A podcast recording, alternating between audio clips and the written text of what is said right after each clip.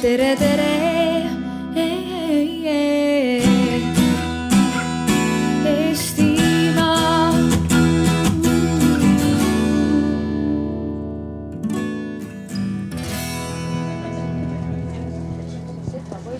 Tere Eestimaa. see heli, mida te praegu kuulete, tuleb äh, Paidest, Arvamusfestivalilt ja Isamaa telgist. Ja järgmised poolteist tundi on meie tegevuskava väga lihtne. me võtame vaatluse alla lähisuhtevägivalla ja proovime leida selles debatis uusi külgi ja lähenemisnurki et kui teemale otsa vaadata, siis tundub, et kõik on nagu ju algusest peale selge, see, kes on süüdi, on süüdi. aga võib-olla ka see teema vajab ja võimaldab laialdasemat nii-öelda nurkade otsingut, kui seda võib-olla seni on tehtud. mina olen Marko Pomerants, olen selle debati moderaator. loodan, et äh, te saate minu jutust aru, mul naine iga kord ei saa, aga see ei ole arusaamatus, vaid see, et mul on väidetavalt halb diktsioon. ja kunagi, kui ma Sarvikus, see on üks Rakvere söögikoht, tellisin juustuvaaliku, sain ma pullimunad peedilehtedega ja ilmselgelt ei saa see olla mingi muu asja põhjus kui halb diktsioon. ja ma loodan, et te ka siis Eesti rahvale oma sõnumi väga selgelt edastate pool kaheksa ma kustutan tuled, me kõik lähme järgmiste tegevuste juurde. ma loodan, et me oleme sõbralikud, räägime ükshaaval. ma vahepeal annan ka mikrofoni siis publikule, et te saate oma erutavad küsimused ära küsida. ja niimoodi see peakski vähehaaval minema hakkama. ja Arvamusfestivali korraldajad on hoiatanud, et tegemist on sellise kuidas öelda, tundliku teemaga ja siis ma mõtlesin ka, et kuidas ma siis peale lähen moderaatorina. ja ma leidsin ühe sellise eh, Eesti inimese, kelle, kes on Pets Telling, tema on stand-up koomik, kes siis Instagrami on postitanud fotod, ma neid fotosid ei vaadanud, aga oma siis äh, lähisuhtevägivalla tulemitest ja, ja tema on seda siis kommenteerinud nii. nüüdsest lubab naine endal na, äh, endal nalja teha ka lähisuhtevägivalla üle, sest see ei puuduta ainult teda. Juba nüüd, kui Pet Stelling on selle kulul mõne nalja heitnud, on tagasiside olnud väga hea ja julgustav, sest varjatult vägivallal kannatajaid on väga palju. aga me ei tee siin mingisugust naljasaadet. nüüd ma küsin kõigepealt Riina Solmanilt, kes on meil teatavasti rahvastikuminister. Te olete olnud äh, kommunikatsiooni tippspetsialist ja minu küsimus on, et kas te olete juba selles ametis meedialt vastulõugu saanud?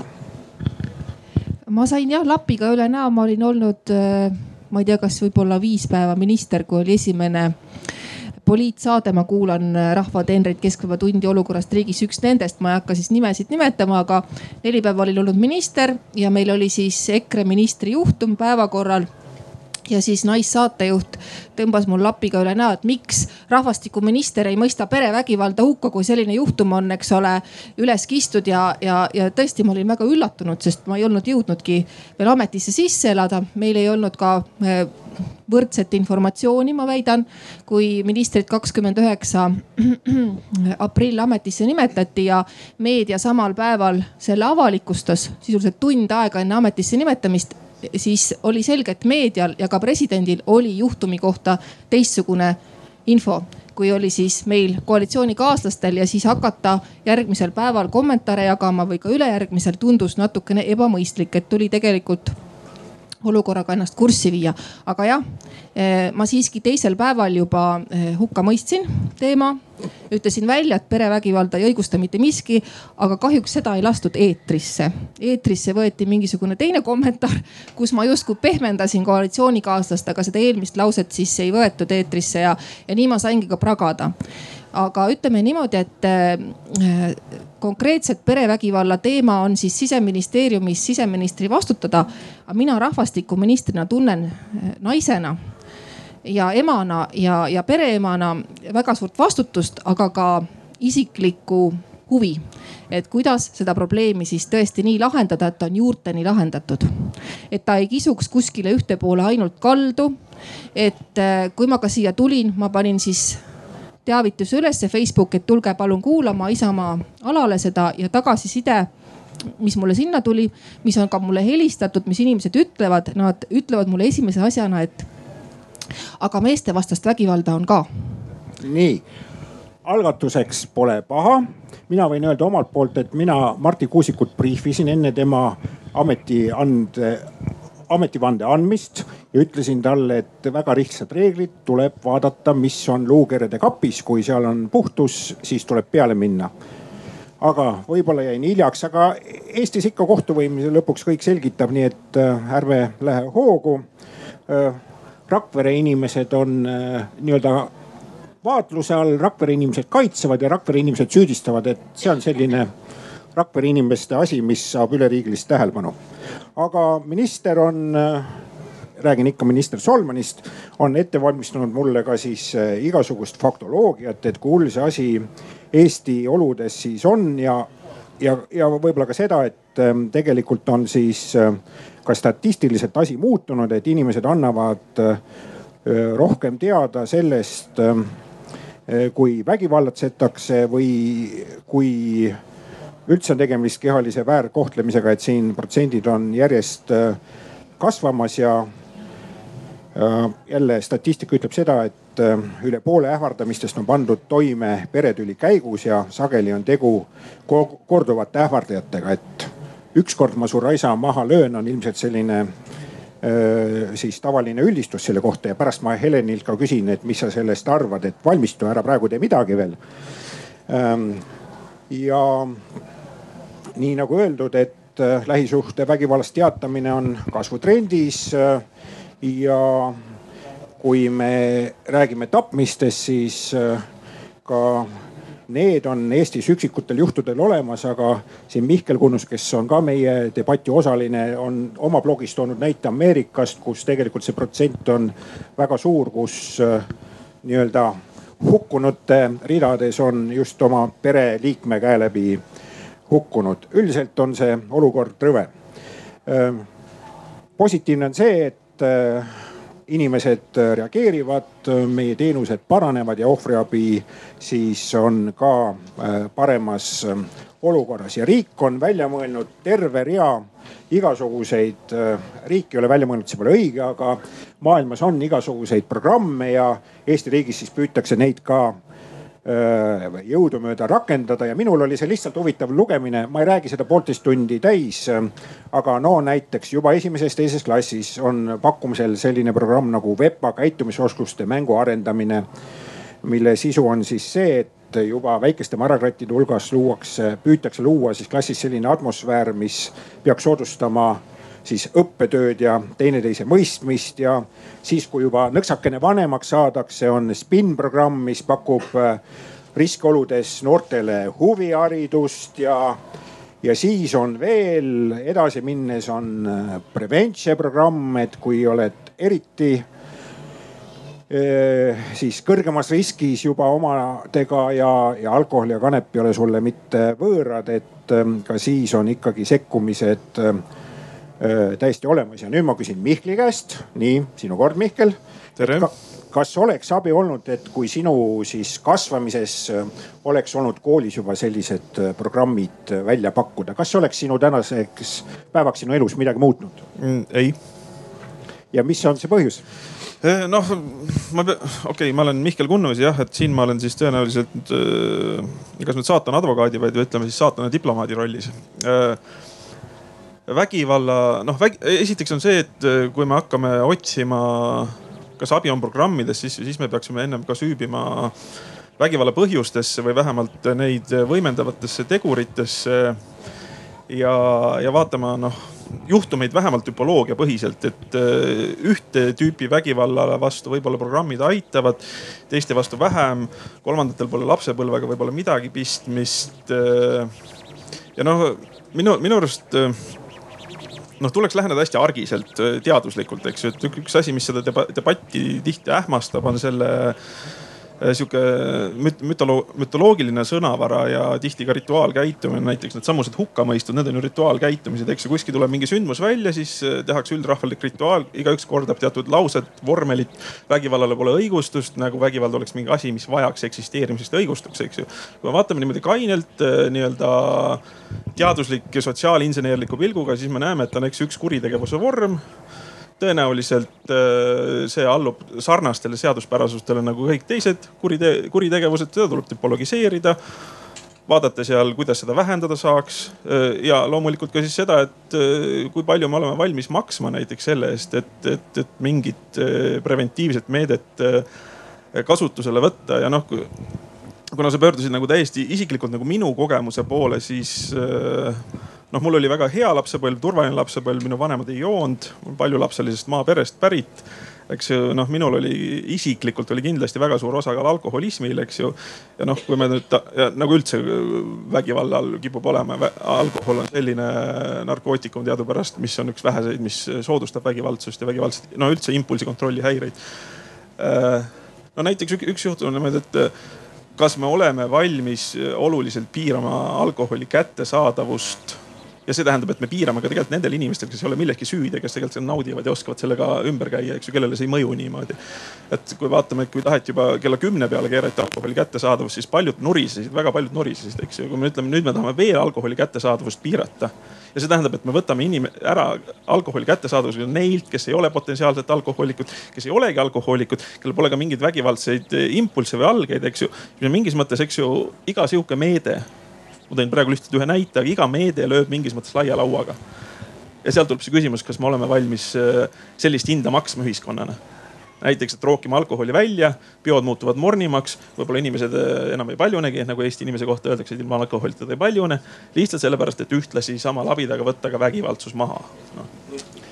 nii, ma siis jätkan äh, kahe lapse isana, mõlemad poisid tehtud kaine peaga ehm, kui programmidega edasi minna, siis äh, siin edasi veel on selline programm, millest ma rääkisin, et on Prevention on ju ja siis äh, see programm peaks Eesti olude jaoks kohaldama või, või võimaldama suunata kõrgemas riskis olevaid noori juba enne riskikäitumise ilmnemist lühisekkumisele, mis aitab noortel omandada oskusi, mis aitavad neil toime tulla isiksusest tulenevate riskiteguritega ma õhtuti kuulan koju sõites Naksitralle, seal oli selline lugu, kus äh, Muhv äh, näiteks ütles, et temal ei pruugi kanglastegude ähm, siis sooritamine üldse võimalik olla isikust tulenevate omaduste tõttu, aga tegelikult ta sai pärast väga hästi kanglasteoga hakkama.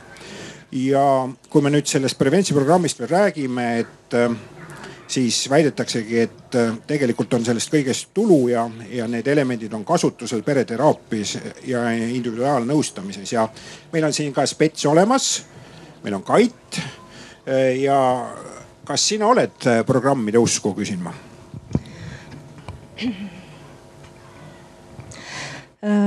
olen ja ei ole, et ma arvan, et on väga häid programme mis äh, inimese motiveerituse korral teda tõepoolest ka aitavad. ja ilma motivatsioonita ei tee ei teraapiad ega programmid ega mitte miski muu äh, seda tööd ära. no ma praegu räägin suurematest inimestest, väikelastega on teine lugu, on ju. aga mis äh, Mihklile vastuseks, et, et vaata noh, mul on paarkümmend aastat praktikat, eks et, et üldiselt on ju ka isegi Eestis on magistritöö kaitstud, kuidasmoodi me alkoholile anname liiga suure osa nii-ütelda seletamaks vägivaldset käitumist. ja seda on teinud nii ka politseiametnikud kui meditsiinitöötajad. Nad on rääkinud alkoholijoobest ka siis, kui tegelikult ei ole olnud sündmus alkoholiga üldse seotud. ehk siis äh, äh, mis mu kogemus ütleb, on see, et ja kui on olnud kallaletungid joonud peaga ja ongi, kontroll on maas, siis tegelikult alkohol ei pane inimese sisse seda, mida inimeses ju ei ole. on küll ja veel alkohoolikuid, kes mõni läheb rõõmsaks ja mõni kurvameelseks ja mõni, mõni jääb magama. mis mu kogemus on nii naistega kui ka meestega, mu juures ju käivad ka vägivaldsed mehed, kui nad on nagu leidnud eneses motivatsiooni lõpetada ja on ausalt öeldes ma olen seda päris, ma arvan isegi kindlalt üle kümne korra kuulnud, et jumala pärast joogu ta siis juba edasi. sellepärast, et tema see kaine, noh enne oli vähemalt nagu enam-vähem ma prognoosisin, okei okay,, jõi, sai tigedaks, no siis võis laamendama hakata või lüüa. aga, aga kui ta on kaine ja tal ei ole seda ventiili alkoholi näol, siis tema äh, ütleme selline sadism suureneb, see on niisugune see on selline kontrollitud, inimese sisemine pinge on hästi suur. ja, ja see, kuidas ta kontrollib siis oma pereliikmeid, näiteks üks vägivaldne mees rääkis mulle, et ta jättis joomise maha, sest just nimelt joonud peaga ta kohutavalt käitus oma naisega. ja ta jättis joomise maha, aga see lõppes sellega, et tal oli välisukse juures selline pikk joonlaud ja alati, kui ta tuli koju, mõõtis ta kõigepealt ära joonlauaga, kas naine oli pannud nagu joonlaua järgi kõigi pereliikmete jalatsid ritta. nii et ühesõnaga üks vägivald muutus teiseks, kusjuures seda teist võib olla isegi raskem taluda nii et jah, on niisugusi ja kui me räägime situatsioonilisest vägivallast ehk siis see, et tõesti kontroll kaob ära või, või lained üle pea või mingi õudne viha tabab mind, siis see on ük, üks vägivallaliik, mis on sootuks erinev sellest, mis on seotud selliste psühhopaatiliste ja nartsissistlike joontega, eks ole, mis on külmavereline, kaalutletud, süstemaatiline ja kus on nagu võim, kontroll, kõik nagu väga tasakaalust väljas peres ma olen, ma olen väga nõus sellega, sellepärast et eh, see, see, mis te siin tegite, olite, eks ju, te tõite välja juba tüpoloogia, vähemalt mingis sektoris mingit tüpoloogiat. ja, ja tegelikult vägivallale nagu igale kuritegevusele tulebki niimoodi läheneda. me peame vaatama neid liigiti ja need liigid võivad olla väga erineva iseloomuga ja tõdemus on see, et inimene võib olla väga vastik ja vaenulik ka kaine peaga nii et äh, mõlemates olukordades on see võimalik ja, ja vahel on nii, mina tean ühte sellist.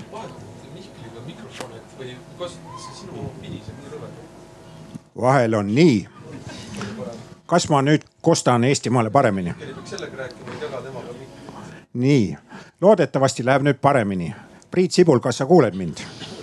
väga hea sa ajasid mul praegu mõtte käest ära, aga mul tuli see mõte tagasi minagi tean ühte juhtumit, kus tegelikult võis olla tulemus täitsa prognoosimatu. et viina võttes võis saada väga toreda inimese, võis saada ka väga vastiku, nii et äh, maailm ongi väga mitmekülgne, aga Eesti riigil on neid programme veel, et on äh, igasuguseid ennetusalaseid programme plaanis teha, stepid ja nii edasi. aga nüüd ma pöördun EHA poole ja EHA-le ma olen pannud märksõnaks naiste koondaja. et ilmselt on igasuguseid selliseid ühisorganisatsioone, mille eesotsas sa oled pikka aega olnud või, või osaline, siis et eh, mis sinu arvates siis lähenemise koht peaks olema?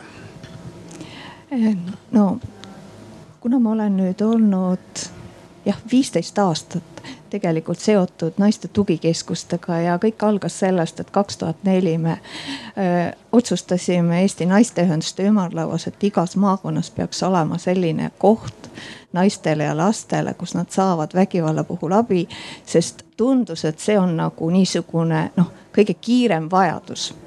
aga olles nüüd viisteist aastat asja sees ja nüüd me oleme olen mina ise ja on need naisorganisatsioonid hakanud mõtlema, et see on kõik väga tore, mida sa praegu, vabandust, ma ütlen sina, tohib mul ei lähe siis segi, kuigi viisakas oleks teietada. ma alguses mõtlesin, me käime selle teema ka läbi, et ma olen ise ka pigem selline teie inimene, aga kuidagi tundub, et läheks väga kunstlikuks antud oludes. Et vabandan, kui kedagi olen juba riivanud, et äh, tõstke käsi, kes ütleb, et teda peab teietama ja kohe hakkan.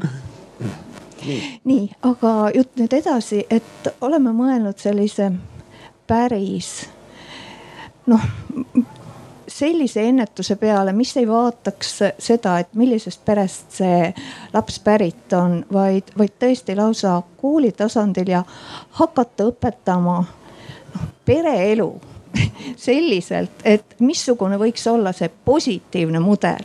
sest kui me vaatame praegu ringi, siis niisugust noh, pered on nii erinevad ja väga palju on ikkagi sellist noh halba kogemust ühte või teistmoodi, aga kindlasti ei peaks see olema selline, et nüüd meil on üks tund, kus me siis konspekteerime, no seda enam ei tehta, aga et oleks loengud ja niisugused, vaid pigem, et noored ise nad on tegelikult väga nutikad, vähemalt kui me oleme noortega selliseid mm, koolitusi, üritusi teinud. Nad väga hästi oskavad näha mis on võib-olla nende vanemate, mis on nende äh, ümbruses halvasti ja, ja las nad mõtlevad ise. uus põlvkond mõtleb ise noh, selliste avatud õppemeetoditega välja, aga, aga tuua välja need niisugused kohad, kust kust see vägivald võib-olla võib alguse saada. kõigepealt on ju ikkagi suhted lähevad halvaks, esimene armastus saab otsa, eks ju. ja siis hakkavad niisugused noh, teravad nurgad nagu kokku põrkama ja kui ei osata lahendada ja kui ei ole, ole harjutud probleeme lahendama, kui nähakse igalt poolt, et noh, kindel variant on see, kui ikkagi nii-öelda, mis kinni ei jää, saab kinni löödud või, või sellised, et proovida, proovida niisugust ennetust. et see oleks võib-olla niisugune, mis ei tööta päevapealt. tulemusi me ei näe homme aga aastate pärast võiks see olla äkki seda kindlam. et perevägivallaga siis niimoodi, mitte ma isegi ei tahaks kasutada seda sõna võitlus, sest minu meelest on meil kõik juba läinudki niisuguseks, et noh väga võitluslikuks, vaid, vaid pigem nagu positiivse eeskujuga seda vähendada. Nagu sõpruse puiesteel laulab midagi sellist, et kõik inimesed on toredad ja head. Äh, Riinal oli näpp püsti. ma soovisin jah täiendada, et kui me rääkisime siin programmidest, et äh, kas kellelgi on usku või ei ole, siis ma kindlasti olen programmi usku, et mis see programm siis tähendab, ta tegelikult on ju nõustamine või, või siis ka teraapia mingisugune vorm. me anname igal juhul teadmisi ja teadmiste andmine kindlasti mööda külgi maha ei jookse. ei jookse maha nendele, kes on selles halvas suhtes, kellel on perevägivallaga tege, tegemist, aga kindlasti ei jookse ta maha lastele koolis. ja võib-olla siin ongi kõige suurem äh, probleem, millega me põrkume, et kui täna tegelevad siis ennetustööga valdavalt kõik siis jõuministeeriumid ja siis terapeudid, ähm, lastekaitsjad, ohvriabi. et haridusministeeriumi tahaks ka sinna laua taha saada ja mõelda välja, kuidas viia need programmid, mis tegelikult on ju olemas mida MTÜ-d pakuvad, mis on tõenduspõhised, mis sobiksid koolidesse erinevas vanuses lastele, siis need sisse viia, aga selleks on tegelikult vaja jah ühte lüli veel kogu sellesse lahendajate ketti ja see on haridusministeerium ja me teame, et õpilastel on koolis programmid ülepaisutatud et. Kehalist kasvatust peaks olema rohkem, matemaatikat peaks olema rohkem ja perekonnaõpetust peaks olema rohkem. no just, et kuidas valida omale kaaslast, milline on hea suhe, kuidas käituda. et äh, tihtipeale on nii, et noored inimesed saavad lapse, kasutusjuhendit kellelegi kaasa ei anta, oskustest suhelda jääb puudu. ja, ja, ja siin tuleb appi jälle tegelikult mingisugune programm, kuhu saab paarisuhte nõustamisse saata, meil on siin sihtasutus väärtustades elu, eks ole siis eks ole, ma saan aru, et ka varjupaigad ja tugikeskused pakuvad tegelikult inimestele nõustamisprogramme. et siin on inimene, kes on programmi usku ma ise mõtlesin selle peale, et kui me võtame veel koolikiusamised ja seal on omad inimesed ja nii edasi, et eh, kas me nüüd ei ole sellisel rööprähklemisel mõneti, et eh, ühed tegelevad, inimesed tegelevad koolikiusamisega ja teised püüavad siis ennetada tulevasi perevägivalla juhtumeid, et äkki meie oleme kuidagi selles suures rägastikus ja võib-olla tuleks ka vaadata sellele otsa, kus me teeme midagi võib-olla topelt, aga mõistlik oleks seda raha paremini kasutada, mitte et see kuidagi tühine oleks, aga ma tulen meie debati alguse juurde tagasi ähm,. alustasin sellest, et statistika on muutunud, et inimesi ähvardatakse rohkem või sellest teatatakse rohkem ja Eh, kui ma seda tänast ähm, debatti ette valmistasin, siis ma andsin kõigile ülesande äh, viiesaja tähemärgiga siis oma võimalikud mõtted või lähemis, lähenemisnurgad äh, mulle saata, nii et äh, teised debateerijad ei näeks, et oleks natuke huvitav endal ka onju. Mihkel muidugi saatis oma blogipostituse, ma lugesin läbi, seal oli materjali küll ja veel ja saaks eraldi debatti teha, aga pead leppima ühe viiendikuga. ainult, et ähm, kui seda ähvarduse statistikat ja kõike võtta, siis sina, kes sa iga päev teed advokaaditööd, mis sinu vaatenurk on? Helen Hääl. aitäh, jah, Helen Hääl olen mina, olen äh, üle viieteist aasta olnud äh, advokaat, tegelen perekonnaõigusega ja igapäevaselt just lahutavate peredega, tegelen laste hooldusõiguse vaidlustega, lahutustega, kõikidega, mis puudutab just sellist problemaatilist peret. olen ka perelepitajaks õppinud, nii et, et igapäevaelus selliseid terveid peresid ma kahjuks ei kohta. küll aga usun, et neid, neid veel on. et ma tahaks korraks sõnajärjest edasi minna, mida Riina rääkis programmidest ja koolitustest, et mida mina igapäevaelus olen mõelnud ja eriti viimasel ajal, kus sellest lähisuhtevägivallast räägitakse niivõrd palju. et sellest lähisuhtevägivalla argumendist on saamas selline ka perekonnaõiguslikes kohtuvaidlustes selline võistluslik moment. et aina enam tundub mulle ja noh, näen omast kogemusest, siin ei ole midagi tunda, et ma näen, mismoodi seda lähisuhtevägivalla või perevägivalla argumenti on hakatud tegelikult ka ära kasutama nii-öelda manipulatiivse argumendina et mida ma tahan öelda, on see, et äh, me, me tegelikult äh, liiga kergekäeliselt võib-olla ka igat peretüli nimetame perevägivallaks. ja, ja inimesed, kes tegelevad igapäevaselt äh, lähisuhtevägivalla kaasustega peredega, lastega, ma ei tea siis lastekaitsjad, sotsiaaltöötajad, politseinikud, prokurörid, kohtunikud, aga ka advokaadid, ka mina ise ma leian, et me kõik vajaksime äh, väga põhjalikku koolitust, et kuidas üldse ära tunda vägivalda, kuidas seda lähisuhtevägivalda ära tunda, kuidas seda ohvrit ära tunda. sest et äh, kohati on mulle tundumas, et maailm ongi hulluks minemas, et, äh, et iga klient astub uksest sisse juba ja räägib, tal on äh, välja guugeldatud juba, mis viie, viie erineva vägivallaliigi ohver ta on, et inimesed on väga teadlikuks saanud sellest. vägivallast räägitakse ja mulle tundub, et seda on hakatud veidikene manipulatiivselt ära kasutama. et äh, väga palju on äh, kriminaalmenetluse avaldusi hakatud esitama just siis, kui hooldusõiguse vaidlus kohtusse tõusetub. et mulle tundub jah, et see koolituse koht on hästi oluline, et, äh, et äh, kuidas tunda ära see tegelik ohver ja tegelik vägivallatseja ja et siin on nagu selles muinasjutus, et hunt on lambakarjas, et ühel hetkel, kui hunt on lambakarjas, siis ei pruugi seda reageeringut olla, et jah, et on tegemist asjaga, millega võib-olla ei pea niisama kergekäeliselt mängima oma huvides? kindlasti mitte, et kui seda lähisuhtevägivalla argumenti väga kergekäeliselt äh, kasutada, kuritarvitada, siis võivad tegelikult nii-öelda abivajajad jääda abita.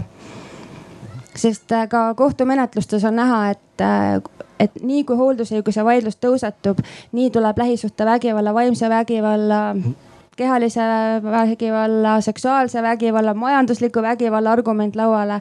et see on justkui üks võitlusvahend, et hooldusõiguses saavutada paremat edu. Ja ma leian, et seda ei saa nii kergekäeliselt äh, kasutada. Et ei tehta väga vahet enam äh, peretülile, perevägivallal ja kui hakata süvenema, et mis siis, äh, milles see vägivald seisneb, siis tegelikult noh, seisneb väga lihtsates asjades, et ma ei tea, mees viskas vihast mobiiltelefoni vastu seina, et noh, kas see on äh, perevägivald, kas see on see, millega peaks tegelema turvakodud, varjupaigad, terapeudid, et ilmselt mitte, et see on, sina nimetasid seda väga hästi, siis see situatsiooni vägivald, et, et äh, lähisuhtevägivald siiski on midagi süst, süsteemset ja süstemaatilist, eks ole. et äh, ma jah, pigem nagu veidikene veidikene suhtun reservatsiooniga sellesse, et kas kõik need, kes väidavad, et nad on vaimse vägivalla ohvrid, kas need tõesti on mm? -hmm siin sa mainisid seda äratundmist ja Kait on samamoodi öelnud, et naised ise ei tunne vägivalda ära oled sa valmis seda kuidagi kommenteerima? ja absoluutselt, et see sõna vägivald üldse ei olegi ju väga kaua meil olnud meie leksikas nii-öelda ja, ja kaua aastaid oli nii, et ma ei kasutanud seda ise ka, sest see sõna oli lihtsalt liiga õudne. sest lähisuhe ja vägivald lihtsalt ei käi kokku ja, ja noh, rumala peaga mõnikord küsisin, kas teie suhtes on ka vägivalda, siis ei, ei ole, ei ole. ja, ja siis täpsustades on see, et ei juuksed pidi vedas mind, eks ole, koridorist magamistuppa ja tegelikult seal vägistas. et sõna vägivald selles mõttes on niisugune alles viimase aja teema, et rohkem või siis ka seesama, et noh, et, et me tülitseme, siis, siis, siis ma ikkagi alati täpsustan, milles see seisneb või, või milles seisnevad nägelud kõnelused või milles seisnevad rüselused või, sest et noh, mina võin mõelda tüli all ühte ja sina, Marko, näiteks hoopis teist, on ju. et selles mõttes, et meil tuleb terminid selgeks teha ja enamik neist ei tea ja, ja nad ei, nad ei tea või, või nad ka selles mõttes ei taha tunnistada, et see on väga normaalne, et kui lähedane inimene minuga käitub julmalt, süstemaatiliselt julmalt, siis äh, siis mul äh, tõusetuvad psühholoogilised kaitsed ja, ja me hakkame ise otsima sellele põhjust või õigustust. Sadu ja sadu kordi olen ma kuulnud oma ruumis seda, et tal on ju raske elu, tal on tööl pinged, tal oli keeruline lapsepõlv, eks, et, et noh, äh, meil on, ma arvan, loomupärane vajadus mõista põhjus, tagajärg, seoseid ja kui midagi nii mõistetamatut on minuga toimunud, siis siis ma leian, et see põhjus olen mina ise. eriti, et kui seda on mulle ju pidevalt äh, sisendatud. Et me hakkame uskuma, ega selle, see sõna infoväli, sellel on suur äh,, suur mõju see, millises infoväljas ma olen, seda ma ju lõppude lõpuks ka uskuma hakkan. ja nüüd, mis äh, Heleniga me eile rääkisime ja tõepoolest need ei ole toredad lood, kui inimesed tulevad, eks ju, noh, sõna otseses mõttes rind ees ja hakkavad nii-öelda oma meestelt välja pressima et vot äh, ei näita last, kui ei maksa rohkem ja, ja muud niisugused asjad ja siis sealjuures on nagu kõvad, kõvad ohvrid, siis nii kohutav see kõik kõik inimesed, kes puutuvad sellise teemaga kokku nagu süstemaatiline vägivald või paarisuhte terror. meil peavad olema kõigil tohutu, tohutu stressitaluvus, sellepärast et me nii, ütleme, mul on kaks valetajat olnud, et ma ei teeks seda, et ma kolmanda sarnase inimese ka mõtlen, et ta on valetaja, vaid me absoluutselt iga kord peame lähenema täiesti nagu puhtalt lehelt. sest ei ole sarnase käitumisega vägivallatsejat ega ei ole ka sarnase käitumisega ohvrit. PTSD juurde, traumajärgse stressihäire juurde käivad ka, käivad ka vihahood pidev valvelolek, ärrituvus, kõik, eks ole. kui me vaatame sellist inimest, siis no kui ma ei ole teadlik, siis väga raske on mõelda, et selline on ohver. küllalt jõuline tundub olevat, näed karjub siin, eks ju, et sellepärast on see, on, see on, see on üks raskemaid alasid ja seda tuleb tunda ja seetõttu ma arvan küll, et me peaks, ma nii loodan, et me jõuame selleni, et meil on need perekohtud, kus on tõesti kohtunikud, kes ei istu täna pangaasju ja homme vargusi ja ülehomme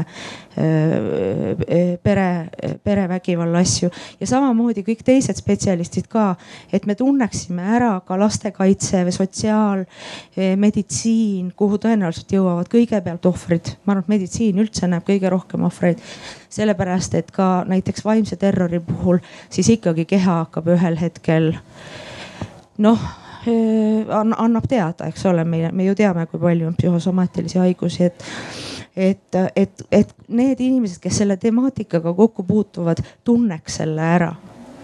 Ja, ja, ja oleks seda õppinud ja, ja saaks ka ise piisavalt omavahel õlatunnet ja ka piisavalt nagu tuge ja täiendõpet ja kõike seda, sest inimeste elud ja saatused nimelt on nende inimeste kätes, kes, kes puutuvad kokku selle teemaga, on ju nii?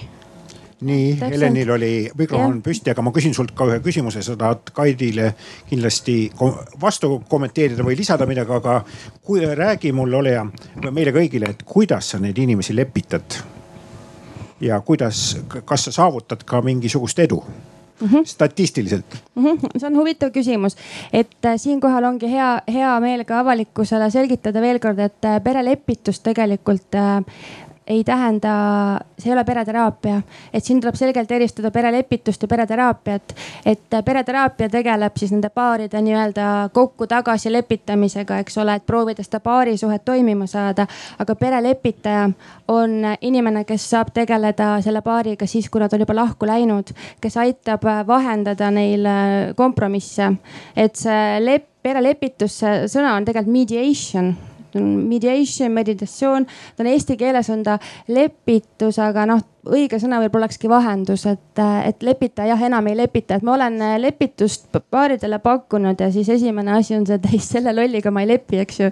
et aga tegelikult lepitaja peabki aitama pooli leidma see kompromiss enda vahel, et ta vahendab seda kompromissi, ta ei paku välja lahenduskäike ega, ega esinda ühte ega teist poolt, eks ja, ja, ja tegelikult äh, perevägivalla kaasuste puhul äh, on üldine, üldiselt arvamus see, et seal see perelepitus ei toimigi et kui on selle vägivalla, vägivald tuvastatud, kui üks osapool on ohver ja teine osapool on siis see vägivallatseja, siis nende puhul see perelepitus ei toimi, sest et see ohver jääb ikkagi endiselt, noh ta ta peab olema nii välja tulnud sellest ohvri staatusest, välja ravitud, nii terve, nii tugev, et ta on vaba selle kompromissi sõlmimisel, et ta tõesti saab oma tahet väljendada, mitte ta ei ole enam selles sõltuvussuhtes, et see sõltuvussuhe peab olema ära katkestatud eelnevalt, et sellega siis tegelevad eh, terapeudid, noh Kait teab siin seda täpsemalt öelda, aga.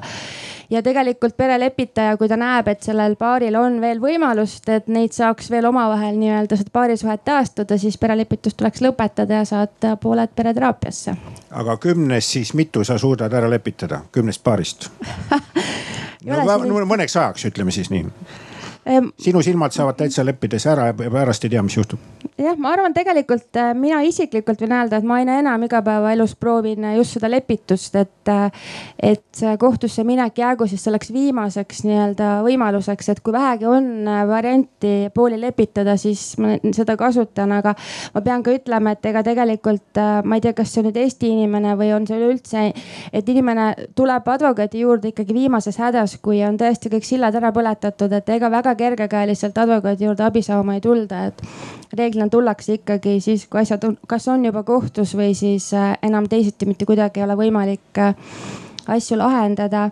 ja ma selle jutu jätkuks tahaks ka veel rõhutada seda, et, et me peame nagu ka selgelt ikkagi eristama seda kehalist väärkohtlemist ja vaimset väärkohtlemist, et kui me räägime siin sellest äh, lähisuhtevägivallast, me alati kipume ikka rääkima, et mees on see vägivallatseja ja et justkui naised on alati ohvrid, et mulle tegelikult õudselt riivab see kõrva, et me ikkagi peaksime kuidagi sooneutraalsemalt sellest rääkima sest et ega kui ma vaatan ka kliente, kes pöörduvad advokaadi juurde, siis teate tihtipeale mees tuleb, ütleb, et mul on abielu on lõppenud, lõppemas, et aidake mul see asi ära lahendada ja need suhted ära lõpetada ja vara ära jagada aga nais, naispool kipub olema see, kes ütleb, et kuule keerame nii palju, kui saame, võtame kõik kraanid, paneme kinni ja võtame kõik vara ära ja lapsi ka ei näita, et noh, maksab rohkem, näeb rohkem, maksab vähem, näeb vähem lapsi, et. et noh, see kipub nagu minu jaoks rohkem olema selline vaimselt äh, manipuleeriv käitumine, et. et ma nagu väga-väga ei ole sellega nõus, et me ainult räägime, et Eesti, Eesti mees on väga vägivaldne mm. -hmm. aitüma Mihkel, on sul aimu, kes sinu Vikipeedia kodulehekülje on kirjutanud? Ei ole kusjuures, äh, aga see hämmastavalt kiirelt äh, jah, reageeris mu elusündmustele kohe tõesti hämmastavalt kiirelt. ma ei tea. mulle tagasi üle kohe saad veel rääkida, aga ma räägin teile, kes te, no kõigil on nutiseadmed taskus, aga mis äh, Mihkli siis Vikipeedia lehel on, et teda iseloomustatakse seal, et tegemist on Mihkel Kunnusega ja siis tal seal peaaegu peale seda, et ta on sündinud ja on semiootik ja kirjandusinimene on see, siis on ta see kriminaalkaristus on ju. aga mis mina avastasin, see kriminaalkaristus teada värk pole huvitav, on ju, aga sellest me pärast räägime võib-olla üldse, et kuidas siis äh, Äh, kriminaliseerimisse suhtuda, et kas me oleme niimoodi õigel teel või, või mis see suund on, aga mina avastasin, et sa oled Eesti üliõpilasmeister küll äh, kaugest minevikust on ju juba tänaseks päevaks boksis ja kaks tuhat kuusteist kick-poksis üliraske kaalus Eesti hõbe. et äkki sa lihtsalt oledki löömamees ähm,? Kuidas, kuidas, kuidas, kuidas nüüd öelda? äkki sa vajad advokaati et äh, no kindlasti on, kindlasti on sellel, sellel seos. ja noh, et äh, mul, mul mingid refleksid on ja see noh, millega ma nii-öelda politseisse läksin, oli ka tegelikult. ma panin tunnistusse ka, see oli tõrjeliigutus, mis oligi, mis mul käib üsna, üsna nagu kergelt, kuna ma olen tõesti kakskümmend aastat olen löönud kotti õhku ja vastaseid. Äh, et see ei olnud ründeliigutus seda ma ütlesin ka, noh naine ka teadis ja kinnitas seda, aga sellest piisas. aga see selleks, ma tuleks korraks tagasi äh, selle selle juurde, mis äh, advokaat rääkis, Hääl oli jah vist nimi. Äh, Helen Hääl, jah. et, et noh, et siin, siin on jälle hea, hea näide, eks ju, see, kus on see vaimne vägivald. et siin, siin saab teha, eks ju, jälle vägi, vägivalla tüpoloogiat ja seda on uuritud, eks ju, see on siis äh, noh, soo, soolised erinevused vägivallatüüpide vahel. näiteks naistel esineb rohkem jah, seda ingliskeelne termin on relational aggression. Eesti keelde on tõlgitud kuulus agressiivsus, see tähendab just seda, et ta rikub ära mehe sotsiaalsed suhted näiteks üldse, et see juba, juba koolides noh, kui räägitakse koolikiusamistest, siis poiste vägivaldsus on hierarhiline, nad suruvad üksteist alla, teevad tuupi, eks ju. tüdrukud loovad sõpruskondi, temaga ei mängi, muidu meiega sinuga ei mängi, niimoodi suhetega niimoodi manipuleerivad. ja noh, see on ka näiteks üks näide, et kui tuli kui tulid iPhone'id ja sotsiaalmeedia, siis tüdrukute enesetappude arv kasvas seitsekümmend protsenti, meestel ainult kakskümmend viis sellepärast et sotsiaalmeedia võimaldab äh, seda nii-öelda kuuluvusagressiivsust märksa võimendada, eks ju, see oli tehnoloogia, mis võimendas naistele omasemat äh, agressioonivormi. Ja, ja, ja see, et just täpselt, eks ju, et ma lõikan ära lastest, ma rikun tema suhted nendega, nendega, nendega ära, eks ju, see on nagu, see on soospetsiifilisem vägivalla vorm. Aga noh füüsilise vägivallaga on selles mõttes nagu väga lihtne, et see on nagu märksa lihtsamini formaliseeritav ja dokumenteeritav. jah, eks ju noh, et seal on vaja mingit tõendit, midagi on vaja fikseerida. eks ju, sa ei saa öelda, et järsku, et noh, sõbrad minuga enam ei suhtle ja ema ei saa minuga läbi ja ma ei tea, mis juhtub, eks ju, et võib-olla seal on mingid, mingid noh identiteedivargused toimunud, kirjade lugemised, vahetamised, mis on ka noh, tänapäeval üsna levinud, eks ju, näiteks seal kontode kaaperdamised ja, ja, ja, ja noh, sellised vägi, vägivallatüübid ja noh, laps on muidugi kõige see põhilisem, eks ju Sest.... manipulatsioonivahend. jah, laps, laps on üks põhilisemaid manipulatsioonivahendeid ja tegelikult perevägivallas on lapsed nagu mingis mõttes kõige, need, kes saavad kõige rohkem ja kõige jõhkramalt pihta. et, et, et noh füüsiline, füüsiline vägivald on isegi noh, ma ei, ma ei taha nüüd praalida, aga, aga aga see võib olla nagu suhteliselt eh, tühine, et noh, näiteks hea näide on sellest, et kui sa lööd iseendale jala, noa jalga. mul on juhtunud seda isegi kaks korda, siis on see eks, aga kui seda teeb näiteks teine, siis mis on see jahmatav, on see, et eks ju jahmatab selle psühholoogiline komponent, et keegi tahab sul nii palju halba, eks ju, see halvab su hinge. et selles mõttes psühholoogiline komponent on nagu mingis mõttes nagu ruineerivam või just see, et inimese enda keha ei ole tema kõige, kõige piinarikkam koht. et noh, hea näide, see kõlab küll natuke sadistlikult, eks ju, aga üks asi on see, kui ma murran sinu sõrme. aga teine asi on, kui ma murran sinu sõrme või sinu lapse sõrme sinu silmade all, eks ju. Enda sõrm on köki-möki selle kõrval. et noh, et see vaimne vägivald on nojah, ta on, ta võib olla ka väga-väga jõhker. aga lihtsalt tihti, tihti on füüsiline vägivald vaimse vägivalla märk, mis jääb hästi maha, ma ei, nagu ei taha kuidagi tühi, noh alavääristada ka füüsilist vägivalda siit, mis Kait neid näiteid tõi. ma, ma tahtsin Marko öelda selle Vikipeedia kohta, sa küsisid, kes kirjutas äh, Mihkli Vikipeedia, et, et lihtsalt eelmisel aastal, kui ma võtsin selle ÜRO rände, ütleme siis migratsioonipoliitika teemal palju sõna, siis äh, selgus, et minu Vikipeediasse on lisatud, et Helen Hääl on Eesti tõlkekriitik et ma ei tea, kes neid kirjutab, neid Vikipeediaid. väga hea, vaata ega su kuulsus äh, lihtsalt ka kasvab kogu aeg. vahepeal Mihkli parem õla peal oli kõrvaark, ma ei tahta reaktsiooni kontrollida, et kas tuleb mingi litakas vastu, aga lihtsalt, et no mis see sitikas ronib, on ju sellises asjalikus debatis, aga näed. Mihkli närvid korras, kõik tipp-topp Mihkel muidugi on ka ühe selle mõtte, varsti tuleb publiku aeg, valmistuge. Ehm, Mihkel on ka ühe sellise mõtte autor, mida ma siis väga vabalt tõlgendan, et me ei ole ikkagi täitsa seda evolutsiooni käigus ikkagi tuhkagi viimase, ma ei tea, sadade aastate jooksul edasi arenenud, et need ürgsed instinktid, äh, mis meis on ja see metsikus, et äh, see meil kahekümne esimesel sajandil endiselt on sihuke ka üks, kuidas öelda, liikuma panev jõud või, või oluline faktor. sa võid ise alustada ja, ja teised saavad kommenteerida võib-olla juurde ma teen kohe hästi väikse paranduse, et see ei ole päris kindlasti minu mõte. et ma refer, refer, refer, refereerin tervet, tervet jah, võiks öelda õhtumaist Darwini-järgset voolu. aga, aga tõsi, tõsi on küll see, et seda me peaksime vaatama, et näiteks Konrad Lorentsi niinimetatud kurjus ehk agressiooni looduslugu on väga hea näide sellest, eks ju, kuidas me peaksime aru saama oma bioloogilisest loomusest, milline on meie liigisisene agressioon ja näiteks äh, kui proua president ütles, eks ju, et äh, kodu on naisele kõige ohtlikum koht, siis paradoksaalsel kombel see on hea uudis. sest see tähendab, et meie ühiskond on üldiselt korras. kui tänav oleks veel ohtlikum, või kui kool oleks ohtlikum, töökoht oleks ohtlikum, siis tähendab see, see, see, see riik on tõenäoliselt sõjas või revolutsioonilises või anarhilises olukorras. ja, ja Konrad Lorenz nagu näitab ka, et noh et mi, mi, ta toob sealt tüpologiseerib, eks ju, erinevaid äh, liigisiseseid agressioonivorme ja tegelikult äh, liigisiseselt, eks ju, evolutsioon üldiselt ju takistab äh, takistab liigisisest, liigikaaslaste hävitamist igatpidi, aga just seksuaalsusega seotud, eriti nagu inimese, inimesel on väga halvad mudelid, seal kahjuks on inimene kõige paremini modelleeritav rottidega, kellel on äh, Äh, hõimkondlik vahelised sõjad nagu ka inimesel, et oma ja võõra eristus on hästi terav ja, ja fataalne tihti. see veel see, et tal puuduvad, äh, ta ei ole kiskja kiskjatel on äh, väga tugevad pidurid peal liigisiseseks agressiooniks, et nad üksteist maha ei tapaks, eks ju.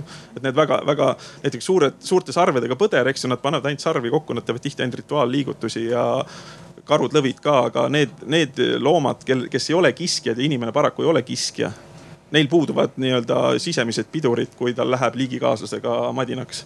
ja selles mõttes ta võib olla, olla palju-palju julmem. ja, ja noh, mis, mis asi on üldse nagu paari, noh, me ütleme, eks ju, armastus, me ütleme tõmme, need on ju kõik sihukesed evolutsioonilise pärandiga mustrid ja nad võivad meid väga negatiivselt üllatada. ja just täpselt siis, kui see nii-öelda armastus läbi saab, eks ju, mis on inimesel nii-öelda bioloogiliselt umbes kolm aastat, kuni laps jälle käima õpib, noh on evolutsiooni mm, nii-öelda psühholoogid seda, seda niimoodi kirjeldanud, seal esimene arvamusestus on kaheksa kuni üksteist kuud. Ja, ja niimoodi, eks ju, seal on ka. Ja, ja kui, kui ta inimene elab väga romantilises kujutelmas, ta on, eks ju, siis kõmaki kokku läinud. enam, enamik lahutusi on ka kolme aasta järel, eks ju, siis, siis ta võib olla nagu traumeeritult pettunud selles, et see õndsus enam ei kesta. Ja ta süüdistab selles teist, eks. aga tegelikult see ei ole teise, teises süüdi, et ta peaks nägema ka endas, et see on noh kui sa sööd endal kõhu täis, siis varsti noh, läheb kõht tühjaks ja, ja no eks seda nagu, ta on psühhofüsioloogiline protsess mõneti jah mm. -hmm. see enesetundmine ma mõtlesin ka selle presidendi kõne peale, kui ta ütles, et praegu on kahekümne neljas veebruar piduõhtu ja kodudes toimub igasuguseid hulle asju. täna reede õhtu, ma arvan ka kellelgi on sumin sees ja see kõik toimub ka täna Eesti kodudes, aga mõeldes rahvastikuministri peale ja võttes, et kui palju on siis aastas tunde ja kui palju Eestis sünnib lapsi, palju eelmine aasta sündis Riina? Kolmeteist tuhande kanti no,. suurusjärk igal juhul õige, siis on väga suur tõenäosus, et praegu meie debati ajal Eestisse sünnib üks noor kena ilmakodanik juurde. aga nüüd annan võimaluse ka rahva hulgast küsida ja kui kellelgi see soov on, siis palun öelge ka, kelle käest te küsida soovite ja kui ei ole, ega mina ei käi peale ka, me saame ise ka hakkama. nii, olge hea tulge lähemale äkki natuke. Äh, ma sooviks küsida vanemate-vahelises vaidluses peale lahutellu, kui peale lahutust, kui arutatakse, kes peaks äh, lastele õiguse saama või niimoodi, et kuidas peaks arvesse võtma vägivalda, nii füüsilist kui vaimset, kui on süüdistused.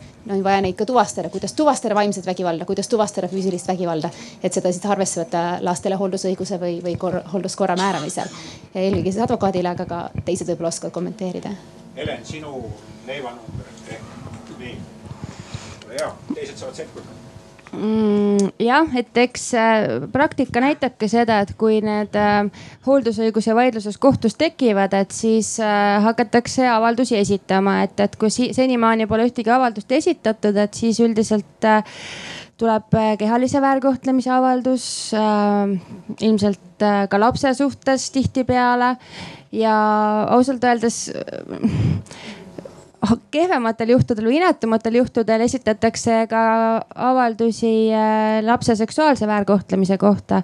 et nendes hooldusõiguse vaidlustes, kus mina olen äh, esindanud äh, vanemat, on kõik need kriminaalmenetlused lõpetatud ära ehk siis seetõttu ka ütleme nii, et äh, hea oleks, kui siin oleks keegi võib-olla politsei või prokuratuuri poolelt, kes äh, tegeleb tõesti nagu nende süüdistustega või kriminaalõigusega lähemalt, aga antud hetkel mina julgen küll väita, et väga suur osa nendest äh, kriminaalmenetluse avaldustest, mis on hooldusõiguse menetluse raames esitatud, on ei ole leidnud tuvastamist. jah, muidugi vaimset väärkohtlemist ongi raske tuvastada, aga küll aga kehalist seksuaalset väärkohtlemist ilmselt veidi lihtsam.